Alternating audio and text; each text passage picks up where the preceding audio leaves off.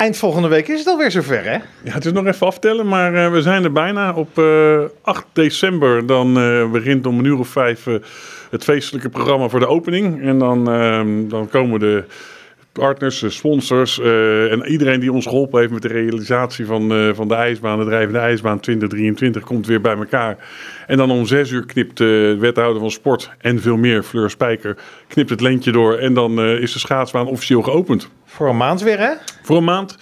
We gaan een maand lang draaien en dat doen 75 vrijwilligers. Die beginnen dan ja, voor het publiek eh, om 9 december om 10 uur s ochtends. En dan gaan we sluiten op 7 januari 2024. Het klinkt nog zo ver weg. Ja. Maar dan gaan we sluiten om uh, 5 uur s middags. En wanneer beginnen jullie met opbouwen? Daar zijn we al mee begonnen. Twee, drie weken geleden zijn we al begonnen met het, ja, het opnieuw opzetten van de huisjes. Want die zijn in een grote brand in Ter Aar zijn ze verloren gegaan. Ja, vertel eens, wat ik hoorde dat inderdaad. Jullie hadden daar je opslag, hè? Ja, dat was een, een belangrijk deel van onze opslag. Dus daar is alles wat met de drijvende ijsbaan te maken is, had, is daar ja, letterlijk en figuurlijk in rook opgegaan. En waar heb je het dan over? nou, huisjes waar de horeca in zat. huisjes van, nou ja... Die schaatsverhuur achter, en zo? Schaatsverhuur en uh, ongeveer 200 vierkante meter rubbermatten en nou ja, alles. Wat waren die rookwolken? Dat, dat waren die rookwolken die op die bewuste vrijdag in, uh, over, over heel, heel Leiden heen trokken. Nou, en, uh, dus dat hebben we allemaal moeten herbouwen en opnieuw moeten aanschaffen. dat is dus gelukt? Dat, dat is gelukt. vorige week vrijdag is daar de laatste hand aangelegd. En uh, nou, dat betekent nu dat we aanstaande maandag, en dat is op 4 uh, december, gaan we bouwen. Dus dan komen de pontons? Dan komt uh, de firma van Hameren weer. Uh, en die komen we ongeveer 220 pontons uh, de gracht in slingeren. En dat is altijd een mooi gezicht. En dan komt de heel Leiden altijd eventjes langs. en dat is aan het eind van de dag liggen al die pontons. Een dag later gaat de tent erop en zo gaan we door. En woensdag kunnen we natuurlijk niet bouwen, want ja, dan is de markt. Dus we moeten eventjes dan ja, op de pontons zelf aan het werk zijn. Zorgen dat al onze spulletjes er zijn. Ja. En dan gaan we op donderdag weer verder, dus tot vrijdag. En wanneer uh, komt de ijsvloer dan? Is dat dan één dag van tevoren of zo? Nee, de ijsvloer, uh, als het goed is, gaat uh, op dinsdagavond de machines, de koelmachines aan. en dan gaat de ijsvloer gebrouwen worden. Dat gaat een nacht lang door. Dan gaan vrijwilligers om de drie, vier uur gaan ze een laagje erop leggen. En dat heeft alles te maken met het feit dat als alles in één keer gaat, de pontons een beetje gaan, gaan kantelen. En dan krijg je geen recht ijs. Dus dat gaat laagje voor laagje.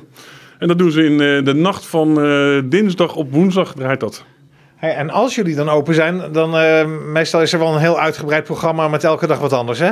Ja, er is uh, heel veel te doen. Uh, als je alles wil zien en, en wat er, want er wordt ook nog wel eens wat tussen geschoven gedurende die maand. Maar als je alles wil zien, dan is een www.drijvendeijsbaanleiden.nl en dan slash evenementen. Kun je alles vinden. Ja. Maar de eerste week zijn gereserveerd voor maandag en dinsdag voor het ketelcurlen voor teams, zeg maar. En woensdag speciaal voor studenten. Met Barry Badpak. Uh, donderdag, uh, ja, dan is, dat organiseert Sport in Beeld ook, de Rotary Center Run Leiden. en dan, ja, dan is het op de ijsbaan meestal ook wel druk met, met kerstmannen. Ja. Op vrijdag is het altijd druk. En dan op zaterdag en zondag, elke zaterdag en zondag van 10 tot half 1 hebben we familieochtend met Olaf en Elsa en meer van dat soort, dat soort dingen. Jullie doen ook altijd veel met scholen, hè? Ja, de eerste weken, de eerste twee weken voor de schoolvakantie, de, herfst, sorry, de kerstvakantie, zitten we met. Uh, Op de kerstman volgens mij. zitten we met 3500 uh, uh, scholieren. Komen dan basisschool en uh, voortgezet onderwijs. Ja, 3500. 3500, dus dat zijn er een heleboel. Uh, en dan zitten we echt chok en chok vol van uh, pak een beetje 10 tot, uh, tot 4.